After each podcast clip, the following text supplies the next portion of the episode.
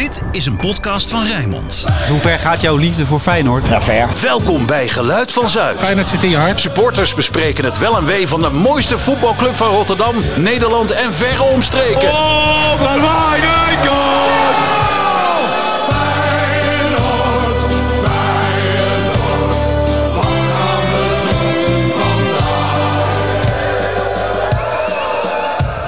Geluid van Zuid, aflevering 39. Do you remember the first time? Woensdag 17 januari 2024. Die aller, aller, allereerste keer vergeet je nooit.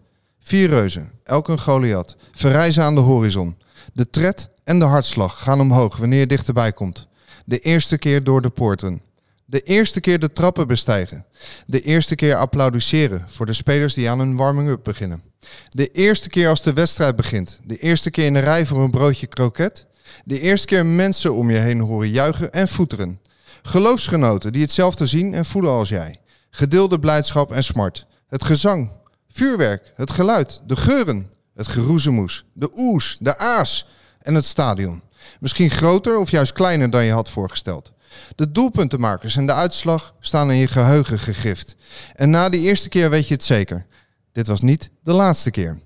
En we beginnen 2024 heel graag met een glimlach. Dus we hebben het daarom vandaag niet over de laatste wedstrijd die we in de Kuip hebben gezien. Maar over jouw eerste. En dat doe ik gelukkig niet alleen. Mijn naam is Dave. En aan mijn zijde heb ik hier ook in het nieuwe jaar. Nogmaals, uh, gelukkig nieuwjaar Harry. Ja, gelukkig nieuwjaar luisteraars. Harry Hamer. Dankjewel. In de house. En uh, we hebben speciale support vandaag. Uh, ja, we hebben, we hebben een zeer speciale gast. Uh, oud collega van mij. Mag jij hem aankondigen? Voetbal International. Dick Holstein. ja, wat doet hij eigenlijk allemaal niet? voormalig directeur van VI. schreef ook zelf menig leuk stuk daarin. Historische stukken met name. Ik kan me de serie over legendarische elftallen nog herinneren. Um, en Dick heeft een prachtig boek uitgegeven over uh, Feyenoord Cup Fighter. Wat wij hier voor ons hebben liggen. En over 80 seizoenen KNVB-beker. En nou, je weet ook alles van KNVB-beker in het algemeen, zo ongeveer. Hij heeft bij het laatste NK voetbal quiz heeft hij een paar schitterende vragen over het KNVB-bekertoernooi gesteld. Waarop bijna niemand werkelijk het antwoord wist dat ging zo diep en zo ver, maar dat is wel prachtige, prachtige feiten zijn dat. Um, daarnaast is hij ook nog bestuurslid van de atletiekvereniging Sparta, maar dan uit Den Haag. En uh, nou ja, verder, Dick, mag je het zelf uh, vertellen? Nou ja, Harry. Hartelijk welkom. Wat een prachtige aankondiging. uh, fijn dat ik hier mag zijn vandaag om met jullie te praten over, over jullie favoriete club. En ik heb inderdaad een boekje geschreven over, uh, over Feyenoord en de KNVB-beker. Uh, Cupfighters. En uh, zoals je ziet staat op, het, op de voorkant... Nou, ik moet je gelijk even corrigeren. Boekje, dat doe je jezelf wel tekort hoor. Want het is 245 pagina's. Oké, okay, dan noemen we het een boek. Ja, een volwaardig boek. Gebonden boek. En met Henk Vrezer op de cover onderweg ja. naar, ik denk het op één na belangrijkste doelpunt in de historie van Feyenoord, Harry. De ommekeergoal. Ja, ook ommekeer, wel genoemd. Ja, ja, 11 april ja. 1991. Wit shirt, de bal is onderweg naar het doel. Van Breukelen heeft het nakijken. Een heel bijzonder moment in de Feyenoord-historie. En wat mij betreft uh, heel erg geschikt om uh, op de voorkant te staan van een, uh, een boek over Feyenoord en de KNVB-beker. Mooi, daar gaan we het over hebben. Ja.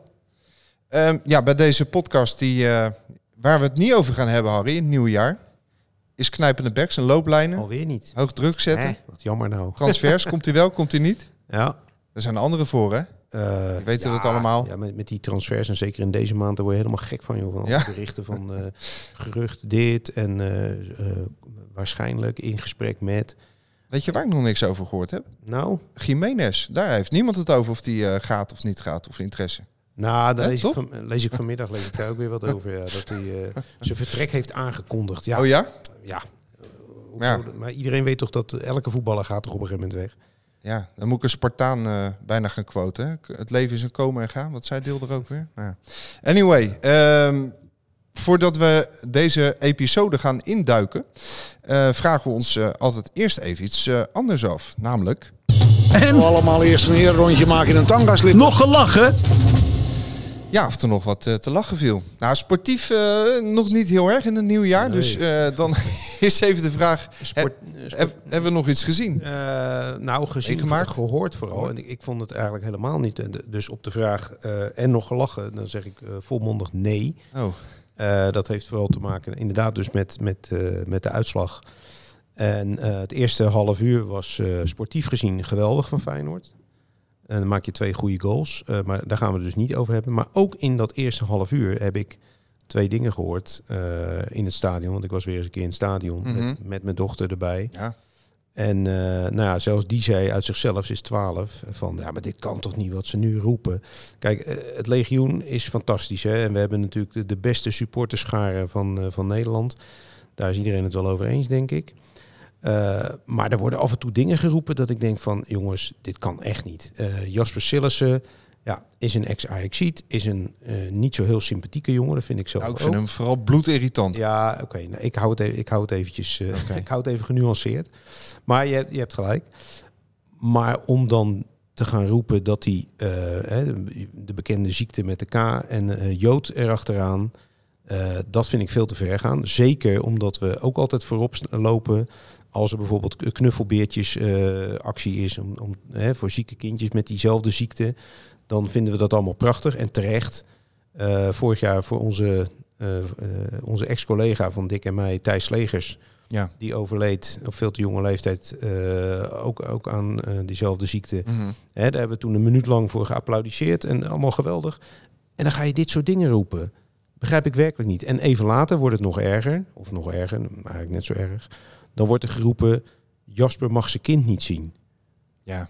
Ja, dan denk ik van, waar ben je nou mee bezig joh, om dat te roepen? Moedig Feyenoord aan en ga niet dit soort, dit soort eh, privézaken erbij halen... om dit soort eh wanstaltige teksten uit te braken. Kom op. Ja. Nou, ik hou er wel van het- om het randje op te zoeken. Nou, dit was ver over De spelers een beetje uit balans halen. Ja, dat hoort er ook bij. het is geen eh, theater, maar dit gaat wel te ver. Ja, precies. Daar ben ik wel Dit- met je Dit was eens. wat mij betreft over het Ja. randje. Dus misschien een eh, goed Niet meer voor... doen. v- Niet meer doen, zeg jij. Kwetsen is zinloos, steunen is goud. Goed voornemen. Ja, zoiets. Ja, Ja. in ieder geval. Ja. Kijk, wat jij, wat jij zegt, je mag best eh, de, iets, iets, iets ludieks roepen. Ja. Om, eh, hè, Van Breukelen is ook tot, tot vervelens toe. Is hij die jarenlang nog met polletje, polletje achtervolgd. Ja, dat is leuk. Ja. Dat vond hij zelf Ja, ook. dat- Maar, maar dit, dit gaat alle perken te buiten, wat mij betreft. Maar Nee. ja, dat was niet echt om te lachen dit. Nee, zei ik toch ook. Mag, mag ik er even eentje ingooien wat ik wel heel leuk vond? Tuurlijk. Ga ik even iemand voor bellen. Kijken of dat allemaal lukt. Met de techniek allemaal. En Tim? Ja, dat is Pim. Pim Ras, hè? Heb ik aan de telefoon hier. Ja, ja, Pim Ras. de, enige, weten. de enige echte. Ja, we zitten hier met Ze eh, zeggen het. Ze zeggen het. Dick Holstein en Harry Hamer. En eh, ja. Ja. we wij zochten net naar de glimlach. Want eh, nou, een beetje, een beetje treurig het weekend uitgekomen. Maar iets Ja. wat natuurlijk, eh, ja, waar wel eh, winst is behaald, is de verkiezing eh, nieuwsfoto van het jaar. Ja, bizar. Ja, Van harte gefeliciteerd, Pim. Gefeliciteerd. Ja, dankjewel. Dankjewel. Het is gelukt. Super. Ja, het is gelukt. Het plannetje is gelukt, zullen we maar zeggen. De Plan, opzet. het plan. Welk plan?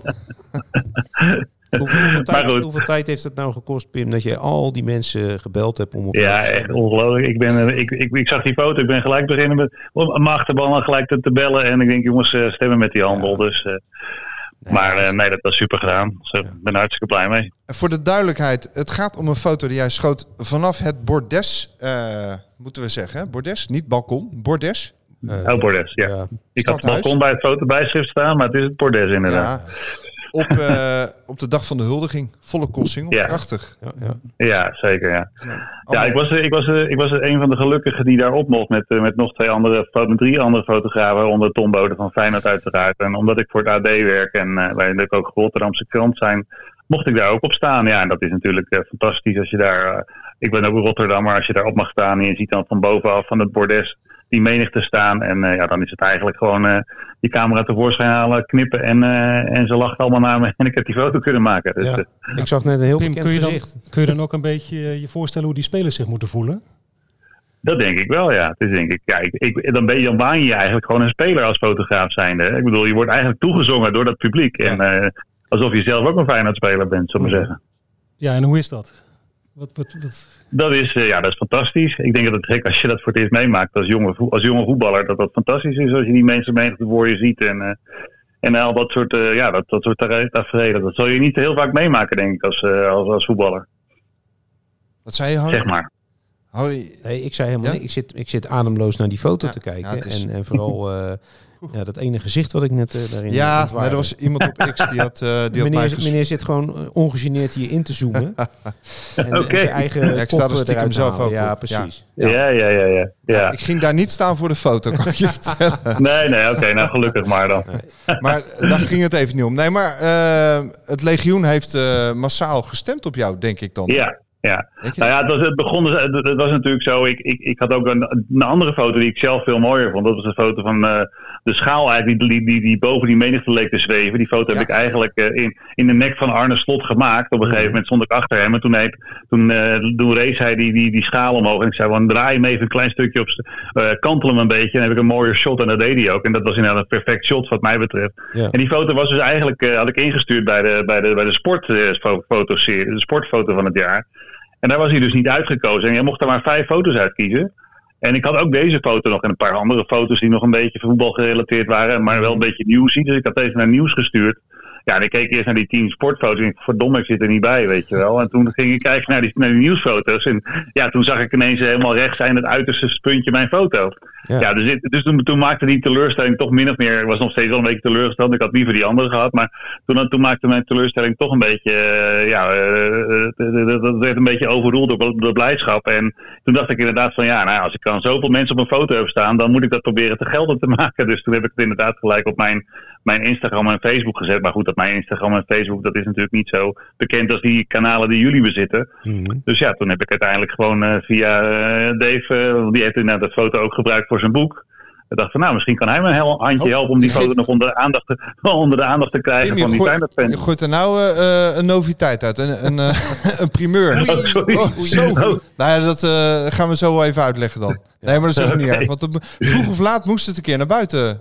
Okay. Dus uh, Sorry, bedankt dat hiervoor. Nee, maar dat is alleen maar goed eigenlijk, hè? Ja, Dus, nee, maar die eh, foto heeft natuurlijk heeft, heeft voor jou nu ook nog meer, nog meer waarde. Nou, dus, uh, absoluut. Nou ja, laat ik het maar uit de doeken doen. Uh, er gaat een boekje verschijnen. Ik kan natuurlijk niet achterblijven, want Nee. ik heb ook wel eens een pen vastgehouden. Maar ja, ik, ik maak zoveel leuke dingen mee. Ik spreek zoveel uh, mensen die een fantastisch verhaal hebben. Ja. dat ik dat wilde gaan opschrijven in boekvorm. Ehm, en op zoek naar ja, een treffende omslag kwam ik bij die foto van Pim uit, uh, die nu in de prijs is gevallen. Ja. Maar ja, little Ja. did I know. Ik wist natuurlijk niet dat hij in de prijzen zou vallen. nee, nou, dan is dat nog een mooi steuntje in de rug, toch? Maar ik voel, Dus, eh, nou ja, ik voel nu wel een druk. Het moet nu wel eh, topkwaliteit zijn wat ik ga ja, afleveren. Ja, daar ga ik vanuit, daar ga ik vanuit, natuurlijk. Zeker omdat je er zelf op staat. Ja, die snijken we af. Oh. Nee, ik heb al gezien. eh, Hey, en even even Ja. één één gewetensvraag aan jou nog, Pim. Ehm, Ja. Vind jij dat deze foto, het is een schitterende foto natuurlijk, eh, Ja. vind jij dat die eigenlijk niet meer in, in de categorie sport thuis hoort? Eh, ja, nou ja, dat zeg ik. Ik mocht maar vijf foto's insturen. En ik had al twee foto's van Feyenoord ingestuurd. En ik had die derde nog.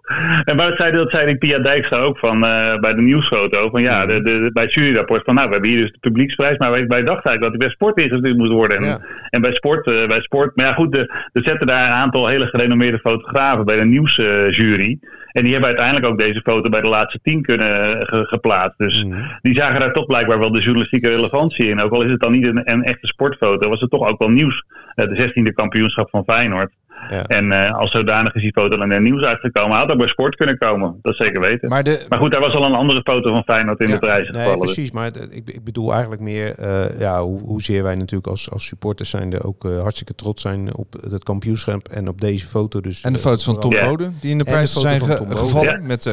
Eh, maar ja, kun je nou, eh, niks, ba niks bagatelliseren hoor, maar eh, kun je nou een kampioenschap van een voetbalclub eh, onder wereldnieuws Vergelijken. Zijn die zijn die niet belangrijk? Nee, nee, nee, dat is, dat, dat is ook zo. Dat is ook zo. Ik, ik bedoel, kijk, eh, heel simpel. Er waren natuurlijk ook eh, journalistiek relevantere onderwerpen die bij de laatste tien zaten, zoals de, de, de crisis van de asielzoekers, het vallen van het kabinet. Maar ja, goed, het is een publieksprijs en het publiek Ja. heeft gekozen. En dat heb je altijd met publieksprijzen. Dat, het eerste wat ik, wat, wat ik zei toen, toen, toen ik die prijs in ontvangst mocht nemen, toen zei ik van, nou, dat is een beetje het VI Vandaag syndroom. Hè? VI Vandaag was ook ooit eens genomineerd voor de televisiering. Ja. En er waren er hele belangrijke journalistieke programma's die ook genomineerd waren. En uiteindelijk was VI vandaag, omdat ze zoveel stemmers hadden, Ja. kregen zij die prijs. Leven de En ik denk dat dat- media. Ja. Ja, leven social media in dit geval. In dit geval hebben we er heel mooi gebruik van gemaakt. En uh, nogmaals, het is een mooie foto. En ik, uh, maar goed, ik had liever met die foto van Slot willen winnen. Maar als ik dan toch had, moet winnen, dan liever met deze foto dan nog. In ieder geval dat ik dan uiteindelijk toch in de prijzen ben gevallen. En het is een hartstikke mooie prijs, want ik heb in, het, in mijn leven 50 prijzen bij de zilveren camera gewonnen. Maar ik heb ik heb nog nooit zoveel geld gewonnen als met deze foto. Oh, dus, uh... Nou, de, uh, stuur gerust nog een creditfactuur uh, factuur, hoor. ja. ik zal alle fijne nog eventjes een, een tikje sturen. ja, je moet 20.000 keer portretrecht betalen. Ja, ja, ja, zeker, nou, zeker, zeker. Er kwamen nog wel suggesties binnen, even als laatste. Iemand zei van, joh, maak er een puzzel van... Dat is misschien ja, ja maak een, dat was een leuke. Ja. Ik ja, maak er een duizend stukjes puzzel van. Nee, ja, dus, nee, nou, 1908 stukjes, zei iemand. 1908 stukjes. Ja, nou mooi. Dus als er nog eens een keer een puzzelfabrikant is, ik stel die foto graag ter beschikking. Super. Dus, uh, hey, geniet van de prijs. En uh, ja, al, het, uh, al, die kritiek net van Harry moet je maar snel vergeten. Nee, dat is geen kritiek, man. Het is van harte gegund. Voor mij was het okay, Harry. het moment van 23. Zo is het. Zeker. Dankjewel, okay, hè. Ciao. Hoi. hoi. hoi. Ja, geeft hij zo even nou, heet had, nieuws weg, ik had, Pim. Ik had heel, heel, eerlijk gezegd, ik had op een andere gebeurtenis in Rotterdam gestemd. Die foto daarvan. Ja? Namelijk van dat wegrennende uh, personeel Bij het van Erasmus, Erasmus MC hier vlakbij. Ja. ja. Uh, want ja, dat was natuurlijk wel... Ja. Uh, maar het gaat echt wereldnieuws. Ja, maar l'opinion un monsieur. Ja, nee, natuurlijk. Dus het volk heeft zich laten horen. En, maar ja, hij geeft nu wel inderdaad even zomaar weg dat er een boekje aankomt van mijn hand. Ik zeg nog wel even boekje hoor. Laat anderen maar, mensen maar zeggen dat het... Uh, ja, uh, zolang, het, zolang het er nog niet is. Altijd leuk. Een Feyenoord boekje, ja. altijd leuk. Ja. Maar uh, ja, ik ga daar later nog wel eens een keer iets meer over vertellen. Alleen de belofte dat iedereen met een boek in de koffer op vakantie kan gaan. die toezegging wil, wil ik wel doen. Ja. Maar dan, ja, nog gelachen.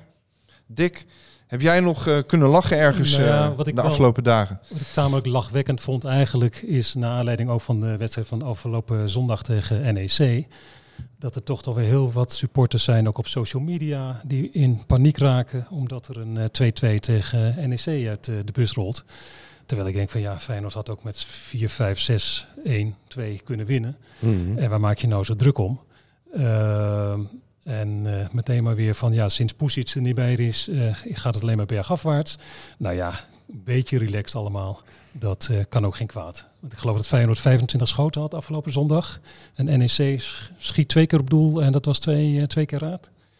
Dus ja, ja, dat is nou ja, dit seizoen ach, bijna een wiskundige formule. Nou, dan zit ik toch ja. wel een beetje in hashtag team Willem van Hanegem. Mm. Die cijfertjes, ik word er een beetje moe van eigenlijk over balbezit en schoot op doel. Ik wil gewoon zien, we hebben meer gescoord dan de tegenstander.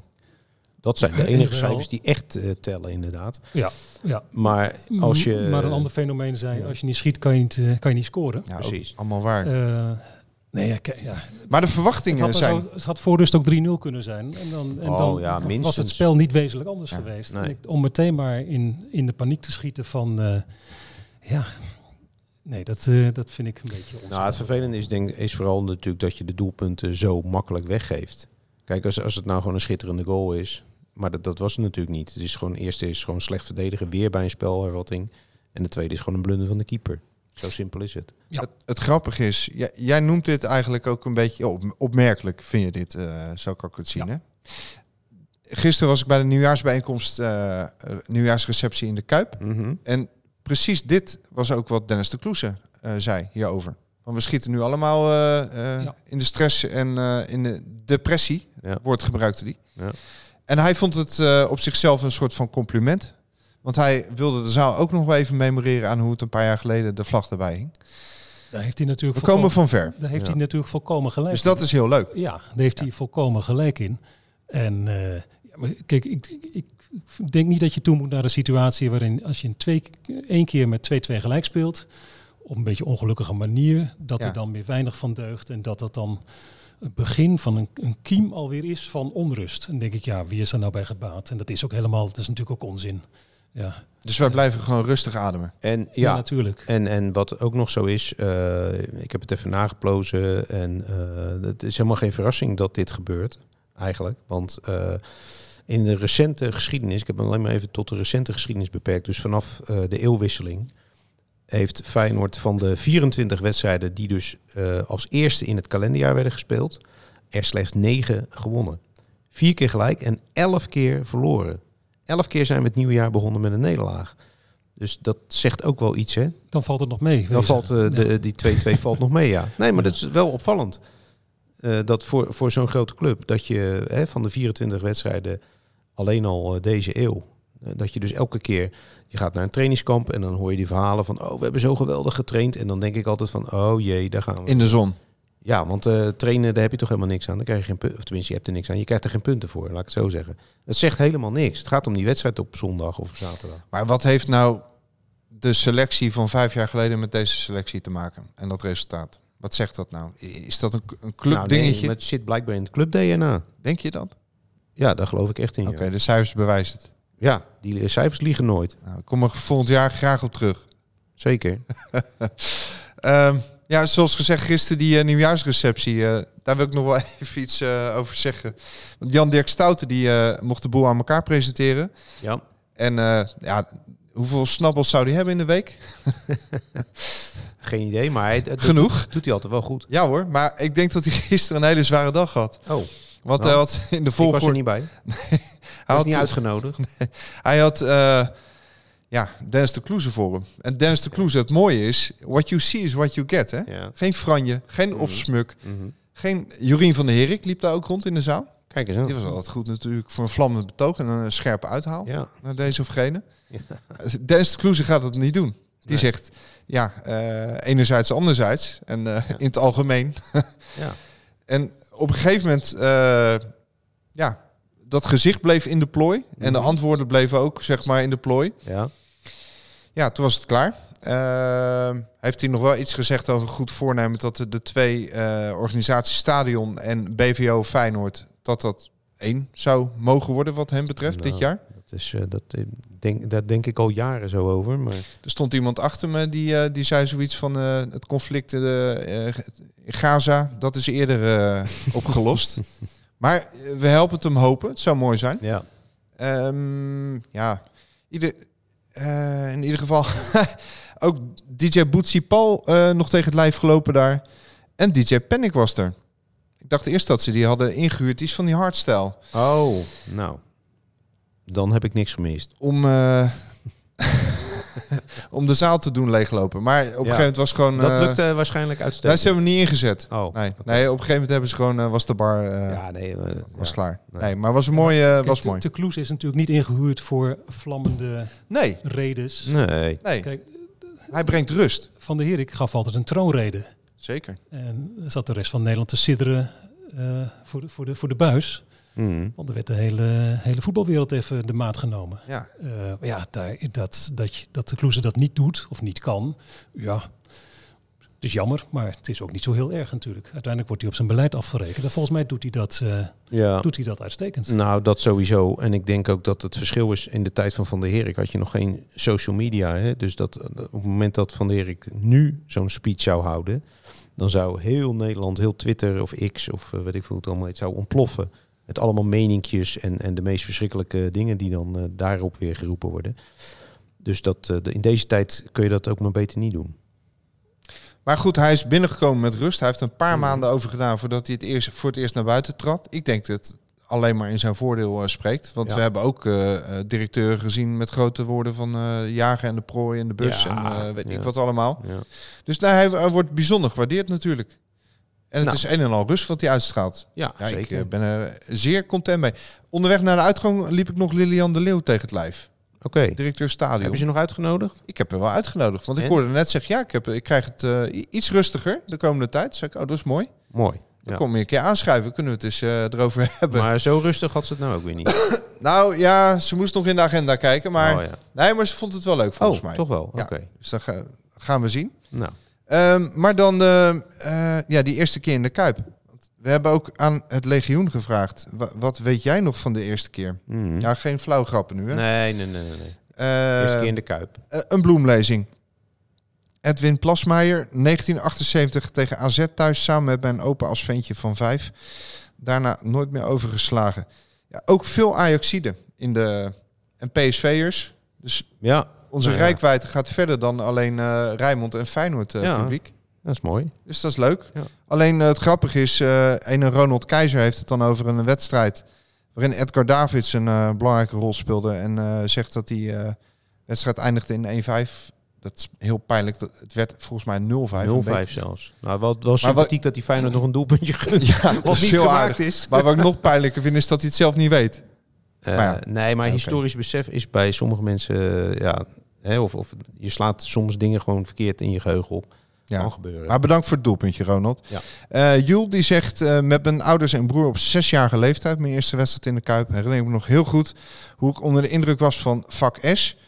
Ehm, Bo zegt in 2001 Feyenoord FC Twente. Jong kereltje was ik. Toen ik met Brad Emerton het veld op mocht lopen. Machtig mooi stadion.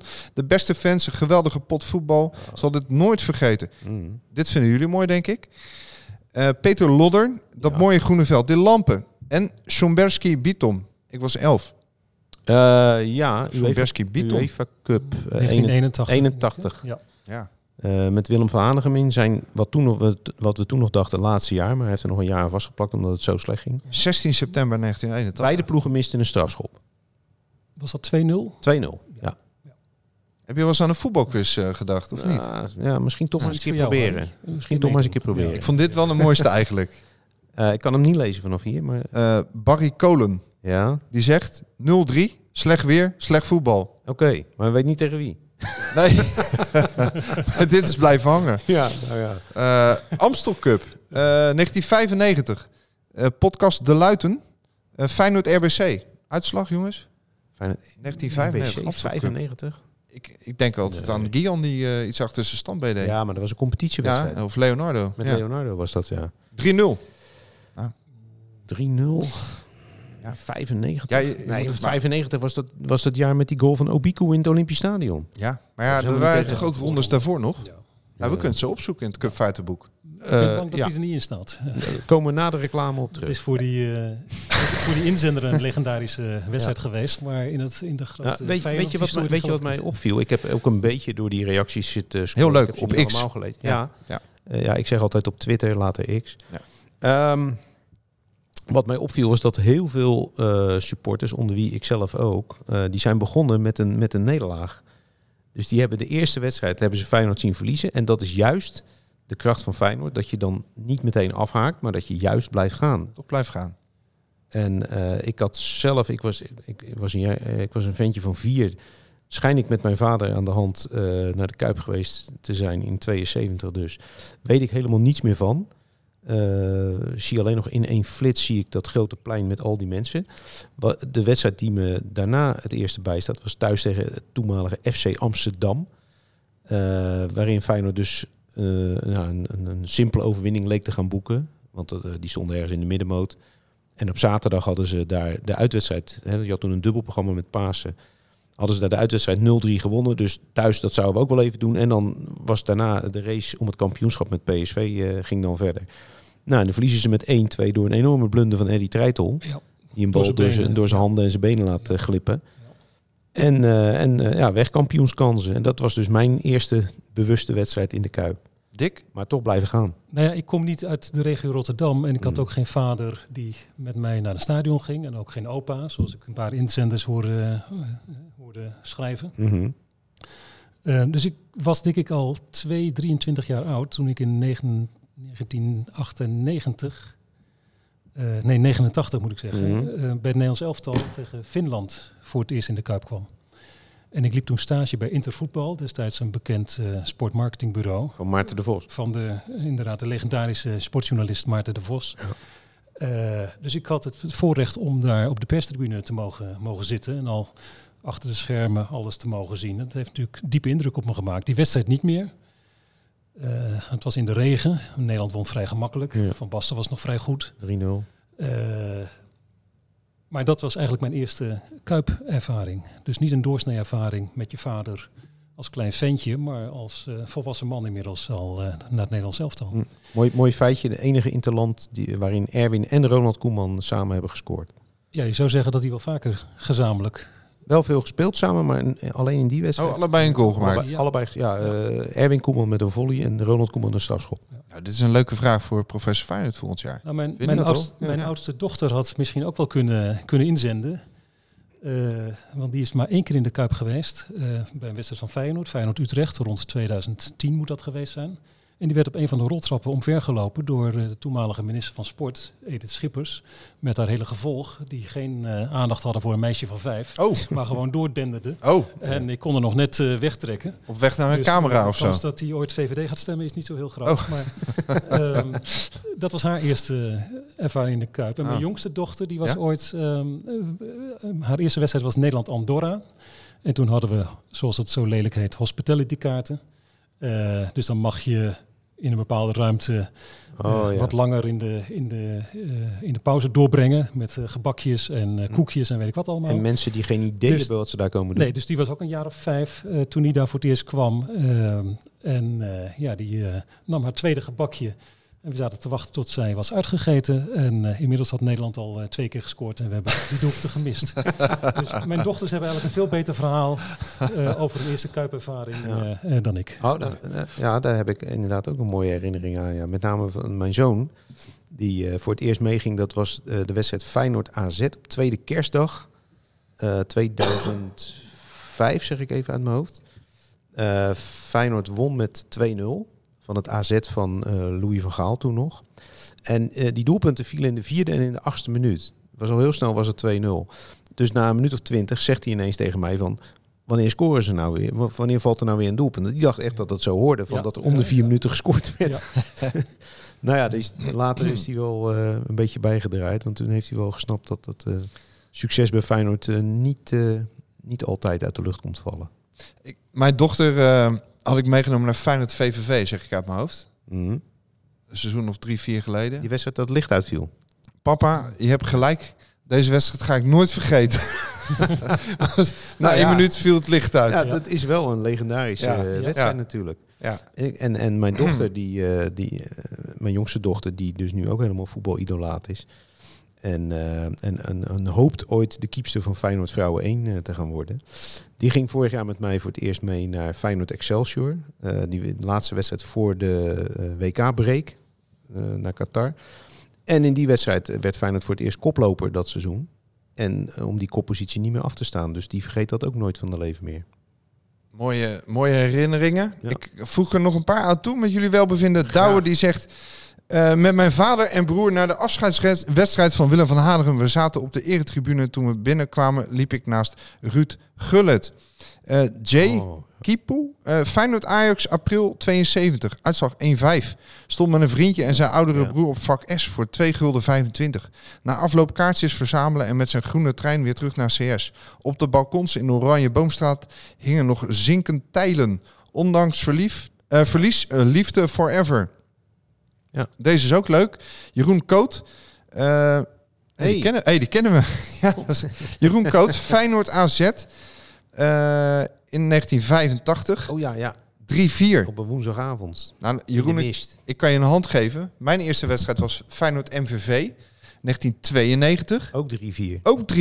Ja, Ja, dat was eh, een merkwaardige wedstrijd. Maar heel uiteindelijk is dat, dat seizoen goed gekomen. Want 0-2 speelde. Feyenoord een sleutelwedstrijd aan het einde van het seizoen. In Maastricht. Ja. 0-2 achter in de Kuip. 3-2 bij rust voor. En dan toch nog 3-4 verliezen. Ja, Wat, dat kan verkeren. Hoe, hoe Feyenoord wil je het hebben? Ja.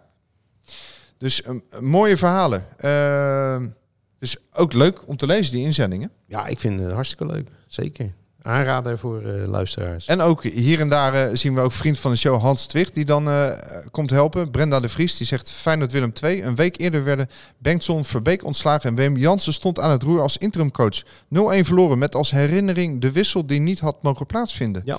Nou, eh, Hans Twicht die zegt dan, die weet dat hè, dat soort dingen. Farrington kwam erin. Op Klopt. dat moment stond Feyenoord met drie buitenlandse spelers in het veld. Namelijk, Farrington, eh, Griga en Kieprits. ja, helemaal goed. Eh, terwijl er maar twee toegestaan waren. Kort erna werd Kriga eruit gehaald. Op dat moment eh, twee wissels geweest, dus Feyenoord moest met tien man verder. En Ja. het stond toen al 0-1 en dat bleef het dus ook. Ja, dit is ook een mooie. Dat waren pas slechte tijden voor de mensen die nu zeggen dat het, dat het niet goed gaat. Nou, voor, voor Ajax daar heb ik dan ook nog een leuke, want die luisteren en zijn we dus achtergekomen. Ja, ja. Voor Feyenoord Ajax, eindstand 9-4, na een achterstand in de jaren 60. Ja. Ik was gelijk verkocht, zegt Job Braams. Ja, Was dat de Hans Venneker eh, wedstrijd? Eh, Ja. eh, Vijf? Ja, Vijf maal. Ja. vijf keer. En wat mij opviel, heel veel oefenpotjes. Vriendschappelijke toernooien, AD-toernooi, Oh, eh, ja, openingen. Die, ja, die ben ik ook veel Ja, geweest. dus ja. die wedstrijden zijn heel belangrijk, Ja. kennelijk. En deze is ook leuk. Eh, open, eh, Jan Willem, die zegt open dag met Hans Klok of Hans Kazan, waarbij de spelers uit een doos getoverd werden. Nou, dat staat me eerlijk gezegd niet bij, maar... eh, Dat was het pre-helikoptertijdperk kennelijk. ja, ja. Ja en, eh, voor concerten ben ik er ook nog wel eens geweest zelfs. Ja, U2 schreef ook iemand. YouTube ben ik Ja. geweest, 87. Geweldig. Ja. Mooi al die eh, eh, herinneringen. Ja. Eh, en die Jeroen Koot die we net noemden, Ja, die heeft ons eh, ook nog iets opgestuurd. die toch ook nog een verhaaltje Ja, die maakt wel zo'n column ook voor ons. Oké. Eerste. In de cultfilm Reservoir Dogs bespreken de hoofdrolspelers bij het ontbijt waar het nummer Like a Virgin van Madonna over gaat. De conclusie van Mr. Pink is dat het niet over de eerste keer van Madonna gaat, maar dat de bezongen man in het liedje zijn, excuse my friends, gereedschap van dusdanig formaat is dat het als een herbeleving aanvoelt voor de Queen of Pop. Ook ik maak een herbeleving mee, of wellicht zelfs een renaissance op het gebied van voetbal. Met ouders die jarenlang seizoenkaart hebben en praktisch elk uitvak in Nederland en ook een flink aantal daarbuiten zagen, was het een kwestie van tijd dat zo'n lief meeging naar de Kuip. Hij vond het destijds wel leuk, maar niet meer dan dat. Voetbal deed hem niet zoveel en voor een vijfjarige duren wedstrijden een eeuwigheid. Nu, tien jaar later, is de wind in ons huishouden volledig gedraaid en staan wij als echte voetbalouders op onmogelijke tijdstippen langs de kant om de verrichtingen van onze zoon te zien op de amateurvelden in de regio. Door FC24, de opvolger van de bekende FIFA-reeks, staan de pixels ingebrand in zijn monitor en kent hij spelers waar ik nog nooit van heb gehoord. De superhelden shirts van Weleer zijn ingewisseld voor shirts van Modric en Ginola, maar nog meer van die van Gimenez, Trauner en Honsko. Door de ogen van mijn zoon maakte ik zijn eerst echt bewust meegemaakte titel mee en recent zijn eerste echte wedstrijd in de Champions League. Toen hij voor me de trappen van de Kuip opliep voor de wedstrijd tegen Atletico, zag ik mijzelf weer als 13-jarige, samen met mijn vader aanwezig bij een wedstrijd tegen het Hongaarse Pech Munkas. Pech of Atletico, verschil moeten zijn. Hopelijk maakt hij straks zijn eerste Europese prijs mee. Het zal, 21 jaar na de laatste, door zijn ogen gezien voelen alsof het ook mijn eerste is. Touched for the very first time. Zo, ja. Mooi. Goed gedaan, Jeroen. Leuk, toch? Heel herkenbaar. Ja. Grappig om dit allemaal eh, mee te maken zo. De her, hij herbeleeft zijn eigen debuut in de Kuip op deze manier. dat, dat, is, dat is het eh, leuke inderdaad. Als je met je kind eh, naar, naar de Kuip gaat, dan, eh, dan weet je meteen weer wanneer je zelf voor het eerst daar was. Dat gevoel. Nog een paar. Ik heb er nog even een Ja. paar. Ja, eh, kan niet op. Dit was ook leuk. Uh, Feyenoord Cambuur. Helemaal uit Groningen gekomen. Dat zegt Bolknak Bertus. Oh ja, heb ik gelezen, ja. Eh, voor de, even kijken hoor. Slecht begin, want Cambuur kwam op voorsprong. Gelukkig hadden we Kieprits, die met de hak gelijk maakte. Heus en nogmaals Kieprits. Ja, Tongzoen voor het legioen. Nogmaals Kieprits bepaalde eindstand op 3-1. ja daar heb ik, heb ik een kleine correctie op moeten doen. Want dat hakje was namelijk, dat was de 3-1. Oké. Die De 1-1 was een kopbal, maar goed, dat, dat is hem vergeven. De- de- Dit dan, Rutger NL. Heel moeilijk eh, ge- eh, gebeuren hier. Mhm. De demonstratie van de politie tijdens de rust van Feyenoord Ajax. Voor volgens mij hogere salarissen waarbij Ja. een aantal schaars geklede dames over het veld liepen. Ja, klopt. Die, die, die waren in. eh, dat waren nepagenten, maar die waren uitgedost in politieuniform en trokken dat eh, op het veld uit, weet ik nog. Dat, dat zou nu echt niet kunnen.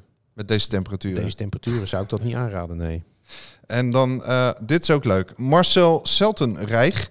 Die zegt, met mijn moeder toen waren er nog houten bankjes. Het regende zo hard dat we in de rust weggingen. Geen idee meer welke wedstrijd. Maar het was ergens in de jaren 60. Ja. Toen had je nog houten bankjes. Houten eh, bankjes. tweede ring, ja. Ehm, en Olivia, BVD. Ja. De open dag van de zomer van 2012. Mee met een cliënt. Ze werkt in de zorg. Mhm. En wij waren verkocht. Eerste wedstrijd was in augustus 2012. Eh, nog veel mooie momenten meegemaakt. Mooie wedstrijden. Eh, het lukt niet altijd om erbij te zijn. Eh, ze kijkt dan ook wel eens op tv. Maar dan zoveel mogelijk bij dezelfde cliënt thuis. Dus ze werkt in de zorg. Ze gaat met haar cliënt mee. ja. En raakt zelf helemaal verslingerd. Dat is ook mooi. En dan Ja. Kim Riekwel. Ja, wat ik hier nou weer allemaal van moet maken. Dat was in 1984. Ik weet nog dat ik niet mocht juichen als Ajax zou scoren. Dit is serieus gebeurd. Ik ging met mijn oom mee naar Feyenoord Ajax. Ja, Mhm. zo'n Ajax ziet in de... Ja, maar toen kon dat eh, gelukkig nog wel. Eh, ja, je hoopte natuurlijk dat het niet gebeurde. Maar eh, als je die oude beelden ziet, dan, dan zie je... mm, En dat zie je ook andersom in het Olympisch Stadion. Zie je ook gewoon Feyenoorders tussen de Ajax die juichen. En ja, het is waarschijnlijk een utopie dat dat ooit weer gaat gebeuren. Dat dat kan gewoon. Ja. Maar het zou wel eigenlijk moeten. Want waarom, waarom moet je iemand voor zijn bek slaan omdat hij voor een andere club is? Ja, nou, als je lichtjes eh, een vuist balt van, hé, hey, dit vind ik fijn. Vind ik ook wat anders dan uitbundig, rivaliteit. uitbundig staan juichen voor iemand zijn neus. Nee, je hoeft het ook niet voor iemand Nee. zijn neus te gaan doen. Ik Maar geloof niet dat het maatschappelijk allemaal nog, eh, nog kan. Gaat niet meer gebeuren? De nee. maatschappij is zo veranderd. Ja. Korte lontjes overal. Ja, eh, geen lontjes. Middelen die gebruikt worden. Eh, onbeheersbaar. Ik begrijp heel goed de burgemeester eh, die zegt van... eh, hier heb ik even geen zin in. Leon Stolk, vriend van de show. Feyenoord FC Den Bosch. Om hem even af te maken. Laatste woord voor, eh, voor Leon dan in deze. Feyenoord FC Den Bosch. 7-12-1986. 3-2. Winnen door makkelijk gegeven strafschop. Eerste doelpunt in het Feyenoord shirt van... Anton Rood. Nou, Ja, die had je... Ja? ja, ja. Is ja. het, ja? Wel Eh, je had het net over eh Patch Moenkas, had, had Jeroen het over. Daar kwam hij vandaan. Hè? Ja. Hij, eh, hij speelde al in het Hongaarse nationale elftal. En Feyenoord had de grootste moeite om eh, die Hongaarse muur te slechten. Dat lukte uiteindelijk met een enorme pegel van Ruud Heus. Die bal ging bijna dwars door het net heen. Ehm, maar goed, toen eh, was de technische staf eh, blijkbaar zo van overtuigd van... hé, hey, die, eh, die rood, eh, die verdediger, die moeten we hebben. Ja, eh, die had dan een weer typisch eh, Feyenoord pech in die jaren... dat hij meteen zwaar geblesseerd raakte. Of vrijwel meteen na zijn komst. Hm. En dat hij eigenlijk eh, nauwelijks eh, nog gespeeld heeft daarna. Ik moet wel eventjes, ik wil toch wel even terugkomen wat je net zei. Want afgelopen, of dit seizoen en ook vorig seizoen heb ik met grote regelmaat ook op andere vakken gezeten, zeg maar. Als het Feyenoord Mhm. vak vol zat. En als ik dan niet heel uitbundig of provocerend ging juichen, dan, dan kon dat best wel. Alleen, ik denk dat je niet per se dan ook achter de goal, waar de fanatieke fans zitten van de tegenstander, dat je daartussen moet gaan zitten. Maar zit je op de lange zijde, En als je het bekijkt vanuit het perspectief van de mensen die ervoor verantwoordelijk zijn, dan Mm. kan ik best begrijpen dat iemand zegt van ja, ik ben ervoor verantwoordelijk als het uit de hand loopt. Ja. Ik neem geen enkel risico, ik sta het niet toe. Dus er zal best heel veel Ja. goed gaan. En natuurlijk, als er een stadion vol zitten, dan zijn een, de, overgrote meerderheid, de overgrote meerderheid is eh, van goede wil. zal niks gebeuren. Maar het gaat natuurlijk om die, om die minderheid. Ja, daar eh, hadden we in de jaren tachtig niet zoveel last van eh, vaak. Van volle vakken. Heb ik een wedstrijden gezien voor, voor 4.000, 5.000 mensen. En dan ging het toch maar weer. Maar eh, dan, dan viel er ten eerste al niet zo heel veel te juichen. En eh, laat staan, als je dat deed, dan eh, nou, daar had niemand daar last van. cup, cupvoetbal dan. Ja. Want eh, Dick, we mogen jou best wel een liefhebber noemen van bekervoetbal. ja, dat is een, dat is een understatement. Ja. Ja. Understand, want je Ja. schrijft ook in het boek eh Cupfighter Feyenoord.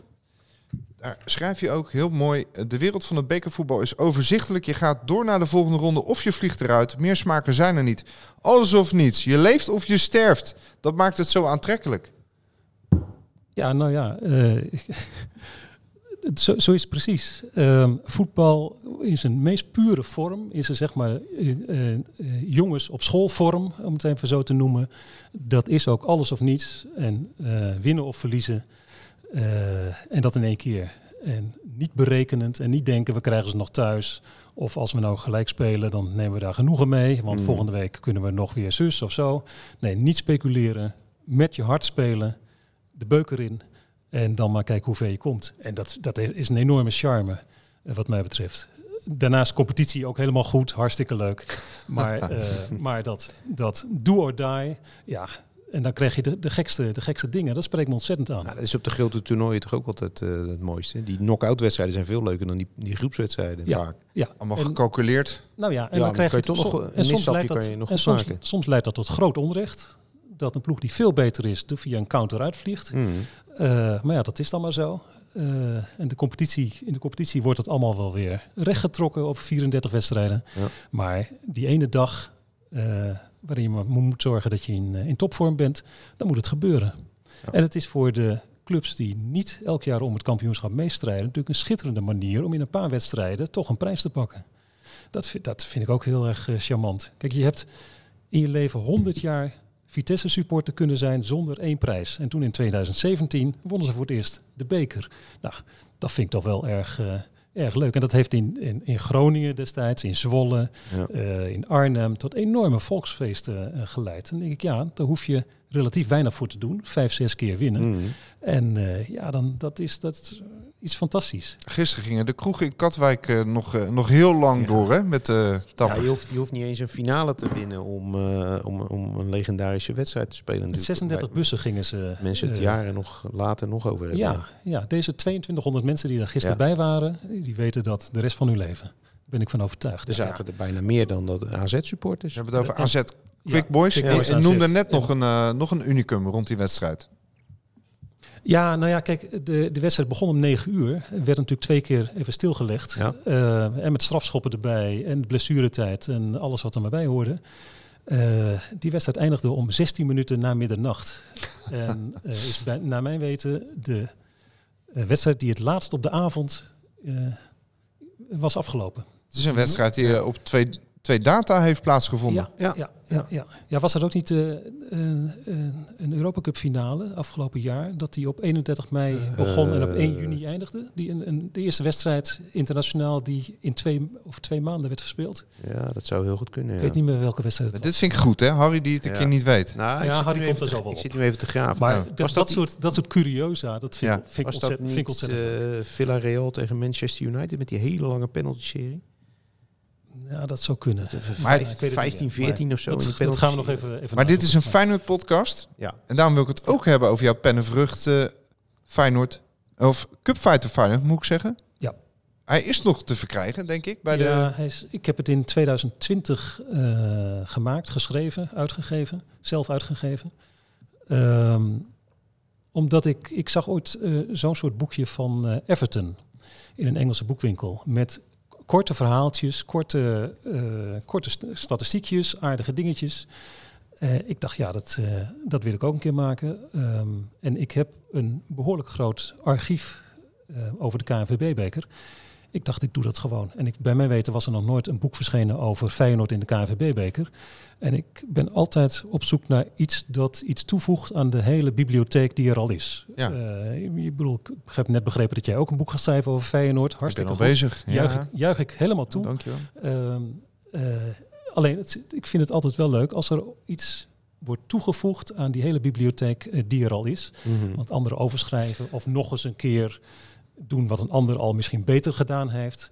eh, dat, dat vind ik niet zo interessant. Nee. De KVB-beker, Ja. dat is natuurlijk wel buitengewoon aardig. En het woord cupfighter vind ik in dit eh, verband, los dat het een heerlijk, eh, heerlijk woord is, eh, op Feyenoord echt wel van toepassing. Zeker in de jaren negentig. Ja. Hoeveel hebben we er Ja. gewonnen? Eh, of in de jaren 90 vier, vier, vier vijf? en vijf jaar. Ja, Ja. vier en vijf jaar. En dat vijfde jaar wonnen ze de landstitel. Ja. En ook leuke sta statistiekjes. De speler met de meeste wedstrijden in de beker, Koen Moulijn. 40 stuks. Ja. Wist ik niet. Ja, Ja, nou ja, zo staat hoor. het vol met, met, met aardigheidjes, Ja, met korte, is- korte stukjes. ja, je kan het wegleggen, je kan een paar, pla- Ja. een paar pagina's doorbladeren en dan er weer zo over invallen. Eh, en ik heb een aantal spelersportretjes opgenomen van spelers die echt veel betekend hebben in de, in de beker.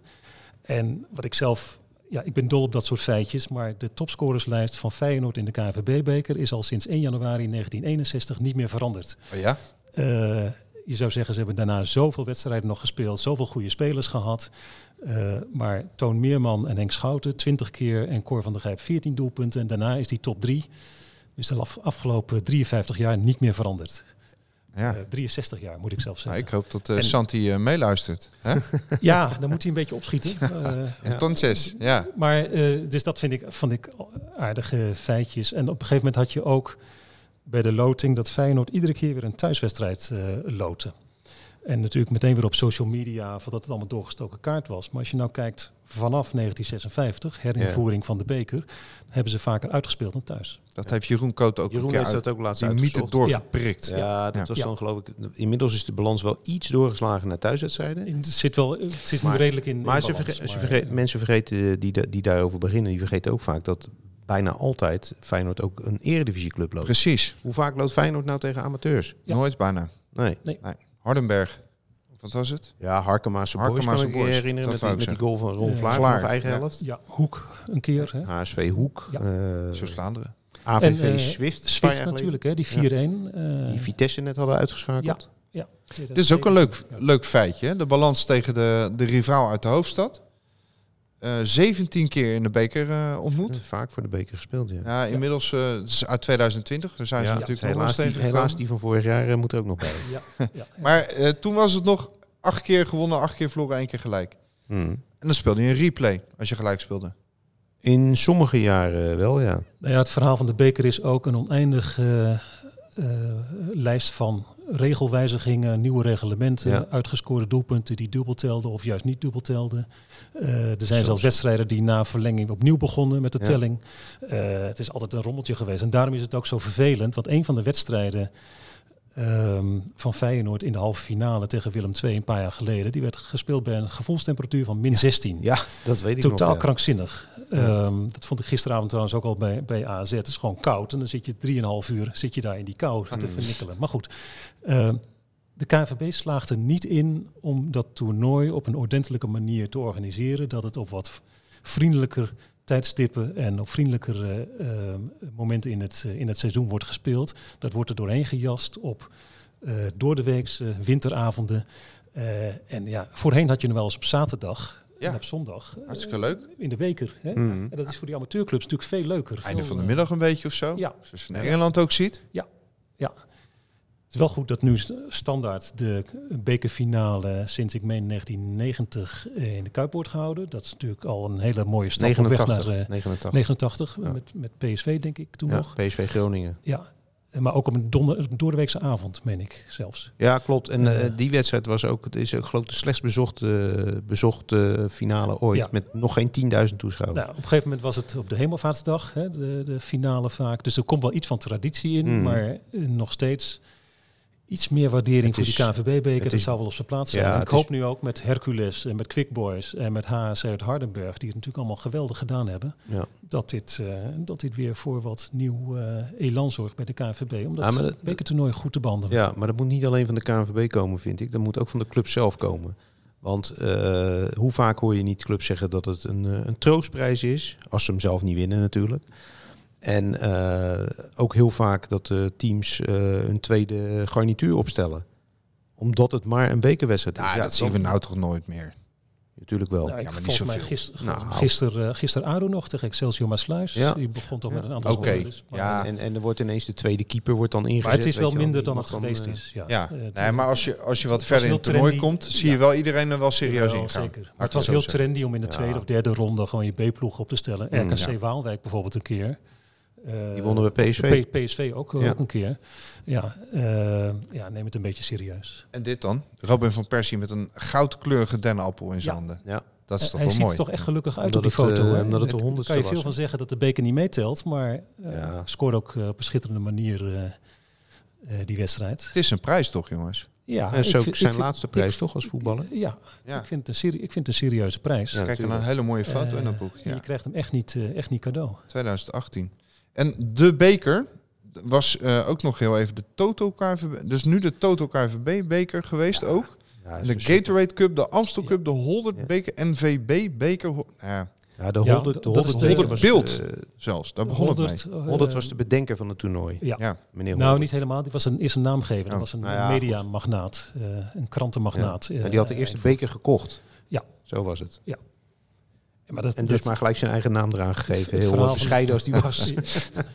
Het verhaal van de, van de beker is ook een verhaal van eh, reglementswijzigingen. eh, Ja, en ook in de jaren 50 toch vijf jaar niet- gewoon niet gespeeld. Nee, geen interesse. Ook raar. Feyenoord heeft ook wel eens niet ingeschreven in de eind jaren, eind jaren 50. Gewoon geen zin. Eh, ja, zo gaat dat.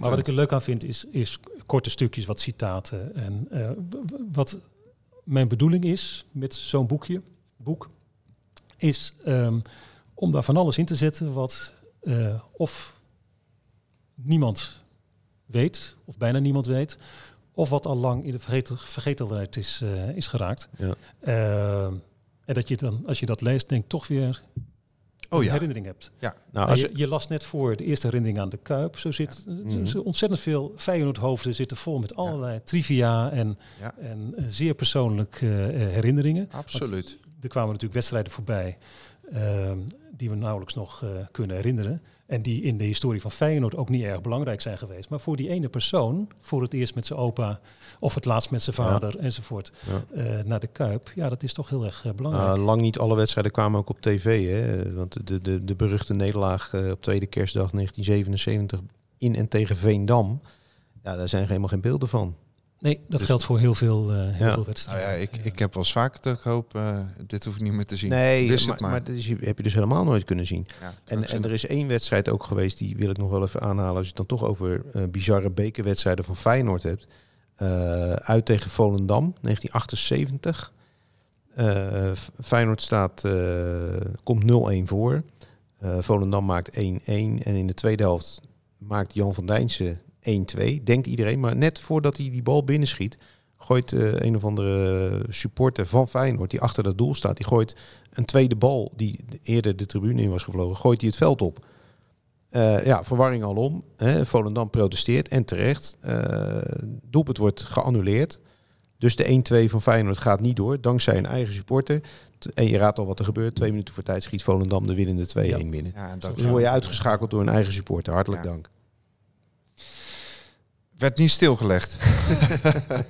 Nee, dat, dat niet. Maar er werd wel schande van gesproken. Ook door eh, de leiding en de spelers van Feyenoord zelf. Want het was niet het eerste incident rond supporters in die jaren. Dus eh, maar ja, als je Dus dan nog direct invloed hebt op het, op het resultaat in negatieve zin van je eigen club. Dat komt niet vaak voor. En er was ook een bekerwedstrijd waarin eh Eddie Treitel heel dicht bij het maken van een doelpunt was. Want volgens mij heeft nog nooit in een officiële wedstrijd een Feyenoord keeper gescoord. Eddie Treitel was daar heel dichtbij. eh want die mocht een penalty nemen in, denk 1978 tegen Mhm. PVV. En eh, hij schoot hem tegen de paal. Hè? Ja. En daarna schoot hij hem hoog over. Wat reglementair denk ik ook niet mag. Dat Nee, je eh, mag hem niet je twee mag keer hem raken. twee keer want dan, raken. eh, Eh, dus dat was, hij was de speler. speler die het dichtst bij, of de keeper die het dichtst bij een doelpunt is, eh, is geweest, Hmm. denk ik. Anders eh, in die dan was die van die eh, verdomde mail af geweest. Hè? Ja, ja, ja. ja. of van de, de reserverol in San Siro. hadden, ze, hadden ze die Of de overkam. eh, ja, ging hij de boek in als de scorende keeper. hadden ze die mail maar in de hoek neergezet, dan had hij hem wel geraakt, denk ik. Ja, ja. Oh, wauw. Er is, één, Hey, er is ja? één keeper die ooit gescoord heeft voor Feyenoord in een oefenwedstrijd. En dat is Ton van Engelen. Grabbelton. Ja, en die Ja. werd in de spits gezet. Eh, rond 1980 moet dat geweest Ja, zijn. Eh, in een wedstrijdje. Die ze, en dat was nog in de tijd dat ze zoveel wedstrijden speelden. En eh, met een paar trainingen op een dag. En dan s'avonds een oefenwedstrijdje tegen amateurs. En op een gegeven moment is de enige die ik ooit gevonden heb. Enige doelpunt ooit door een keeper van Feyenoord is Dus- Tom van Engelen. Blijkbaar een betere spits dan keeper. Dat zou maar zo kunnen. Ja. Een prachtige bijnaam. Ja, nou ja, die kreeg hij eh, na een enorme blunder tegen Eintracht Frankfurt. eh, dat hij gewoon over een eh, heel simpele bal heen dook. Dick, hier blijft het niet bij. Want je, de pen kriebelt. Je bent weer aan de slag, begreep Ja, want dit boekje Cupfighter Feyenoord was eigenlijk de opmaat voor een eh, nog veel uitgebreider eh, boek. Eh, ik heb het laten drukken bij Johan Enschede. En daar werkte een meneer die voor zichzelf begon, een uitgeverij opzette. Peter Voskuil is zijn naam. En een van de eerste boeken die hij uitgaf in zijn nieuwe uitgeverij was de Van Cote en de Bie Encyclopedie. Eh, met alles wat je maar over Van Cote en de Bie... Alle eh, typetjes. Ja, alle typetjes, alle uitzendingen uitgeschreven, de discografie en alles eh, wat je maar kunt bedenken. En hij wilde graag ook zo'n boek maken over een voetbalclub. En hij vroeg mij of ik dat over Feyenoord kon doen. Ik zeg, nou, dat lijkt me hartstikke leuk. We hebben een, een, een auteurscontractje gemaakt. En ik volop aan de slag met allerlei trivia verzamelen, verhalen verzamelen. En eh, toen werd ik vorig jaar, inmiddels anderhalf jaar geleden, op een dinsdagavond gebeld met de treurige mededeling dat de uitgeverij failliet was. Oh. Ja. Eh, en daarmee was mijn auteurscontract onmiddellijk eh, van nul en geen allerlei waarde. Ja. Eh, maar ja, ik was al aardig op, op dreef. Ik had al 50.000 woorden eh, uit mijn eh, laptop gerammeld. Eh, en toen heb ik eh Staantribune, het eh, voetbaltijdschrift. Ook van harte gefeliciteerd, hè, Jim Holterhuis? ja, zeker. Tien jaar? Ja. Sorry, ja, dat die zijn, al- is die zijn al Ja, tien jaar bezig inderdaad. En die doen het ontzettend leuk met heel veel passie. En die hebben een, eh, een boekenlijn opgezet naast, eh, naast het blad. Nou, dat concept kwam al bekend voor van Voetbal Mhm. International. Ja. En ehm, toen heb ik hem eh, benaderd en gezegd van nou ja, is dat niet leuk om bij jullie dat uit te geven? Een paar gesprekken gehad en Jim helemaal, helemaal enthousiast. Dus ik ben daarmee aan de slag gegaan. Eh, ik heb het verder uitgebreid en eh, nu eh, gaan we dat in november op de markt brengen. En de aanleiding is dan 70 jaar betaald voetbal. Want op 28 november 2024 Mhm. is het 70 jaar geleden dat Feyenoord voor het eerst betaald voetbal speelde. Met toen allemaal nog semi-profs. Vanaf dag 1 Ja. hè, in Nederland. Ja. Zeker. En tegen Vitesse. En, nou ja, en voor dat boek verzamel ik allerlei eh, ja, trivia, wetenswaardigheden. En dat boek is eigenlijk opgebouwd, wordt opgebouwd uit drie grote blokken. Eén blok met eh puntsgewijs de hoogtepunten per seizoen. Eén blok met eh, trefwoorden. En die kunnen van alles zijn. En die zitten vooral ook gelinkt aan mijn geheugen en aan mijn smaak. Want er zijn al een aantal boeken verschenen ehm, die de historie van Feyenoord uitputtend behandelen. Dus dat ga ik niet opnieuw doen. Dus dat geef ik een eigen draai aan. En we hadden het net over Antal Rood. Een van de lemma's in dat boek is bijvoorbeeld baard. Niet Antal Rood, maar baard. Want hij was een van de eerste met een volle baard. Ja. Misschien dat René Notte ook wel iets van een vlasbaardje had. Nou, die had ook wel een baard. Eh, maar Antal Rood was toch echt een volle, Ja, een volle die, rode die, baard. eh, dat die was hing- echt een baard. Die hing in de soep. Ja. Dus, dus het is ook de bedoeling om dat, die geschiedschrijving wat luchtig te houden. Dus ook eh, de opblaasbanaan en eh, nou, dat soort, eh, dat soort lemma's staan er ook in. Mm. En toen dacht ik, wat moet ik nou met Koen Moulijn? Ehm, en waar staat Koen Moulijn op bekend? Zijn passeerbewegingen en zijn Ja. voorzetten. Ja. En toen ben ik die bijna, wat is het, 2900 officiële wedstrijden van Feyenoord sinds 1954, ben ik allemaal gaan napluizen en details uitgezocht van die wedstrijden. En zo kwam ik erachter dat eh Koen Moulijn 245 assists heeft gegeven. Waarvan 42 op Cor van der Grijp. Nou, Kijk. ik weet zeker dat er geen Feyenoord-fan is die dat, eh, die dat weet. Nou, Inmiddels, eh, inmiddels Harry wel. zei het gisteren nog tegen me dit. Ja, ja, ja, ja, ja. Dan zat hij er een stuk naast. Maar, ja. Nee, maar dat, dat, dat geeft een beetje perspectief aan. Ik dacht, als ik toch bezig ben, doe ik dat gewoon voor alle wedstrijden. Niet Ja, alleen natuurlijk. voor Moulijn. Ja. Dus nou, als we toch bezig zijn. Ja. En er komen allerlei aardige statistieken uit. En toen kwam ik er ook op uit dat, ik geloof 1955, eh, kreeg een speler die Kolen heet. Ik ben zelfs zijn voornaam vergeten. Eh, die kreeg voor het eerst een rode kaart. Want die eh, schold eh, Wim Beltman, de nogal autoritaire Ja, ja. scheidsrechter, die later ook bij eh, Go Ahead dat Go eh, Ahead. jeugdinternaat heeft Ja. opgezet.